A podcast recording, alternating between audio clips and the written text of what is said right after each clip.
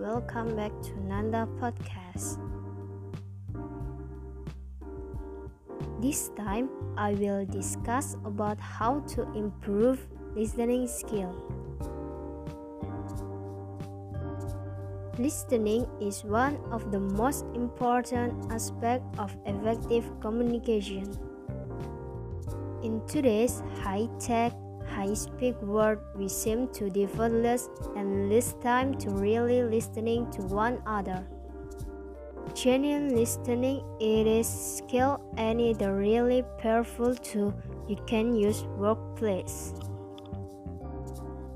A good listener creates to a word and performance when everyone feel and set well ideas, opinion and feeling. There are four key skills we can check and unlock the power of effective to be listening. 1. Focus fully on the speaker. 2. Avoid interrupting. 3. Avoid seeming judgmental sound. 4 Share your interest.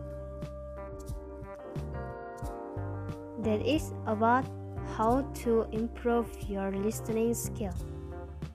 Thank you and see you.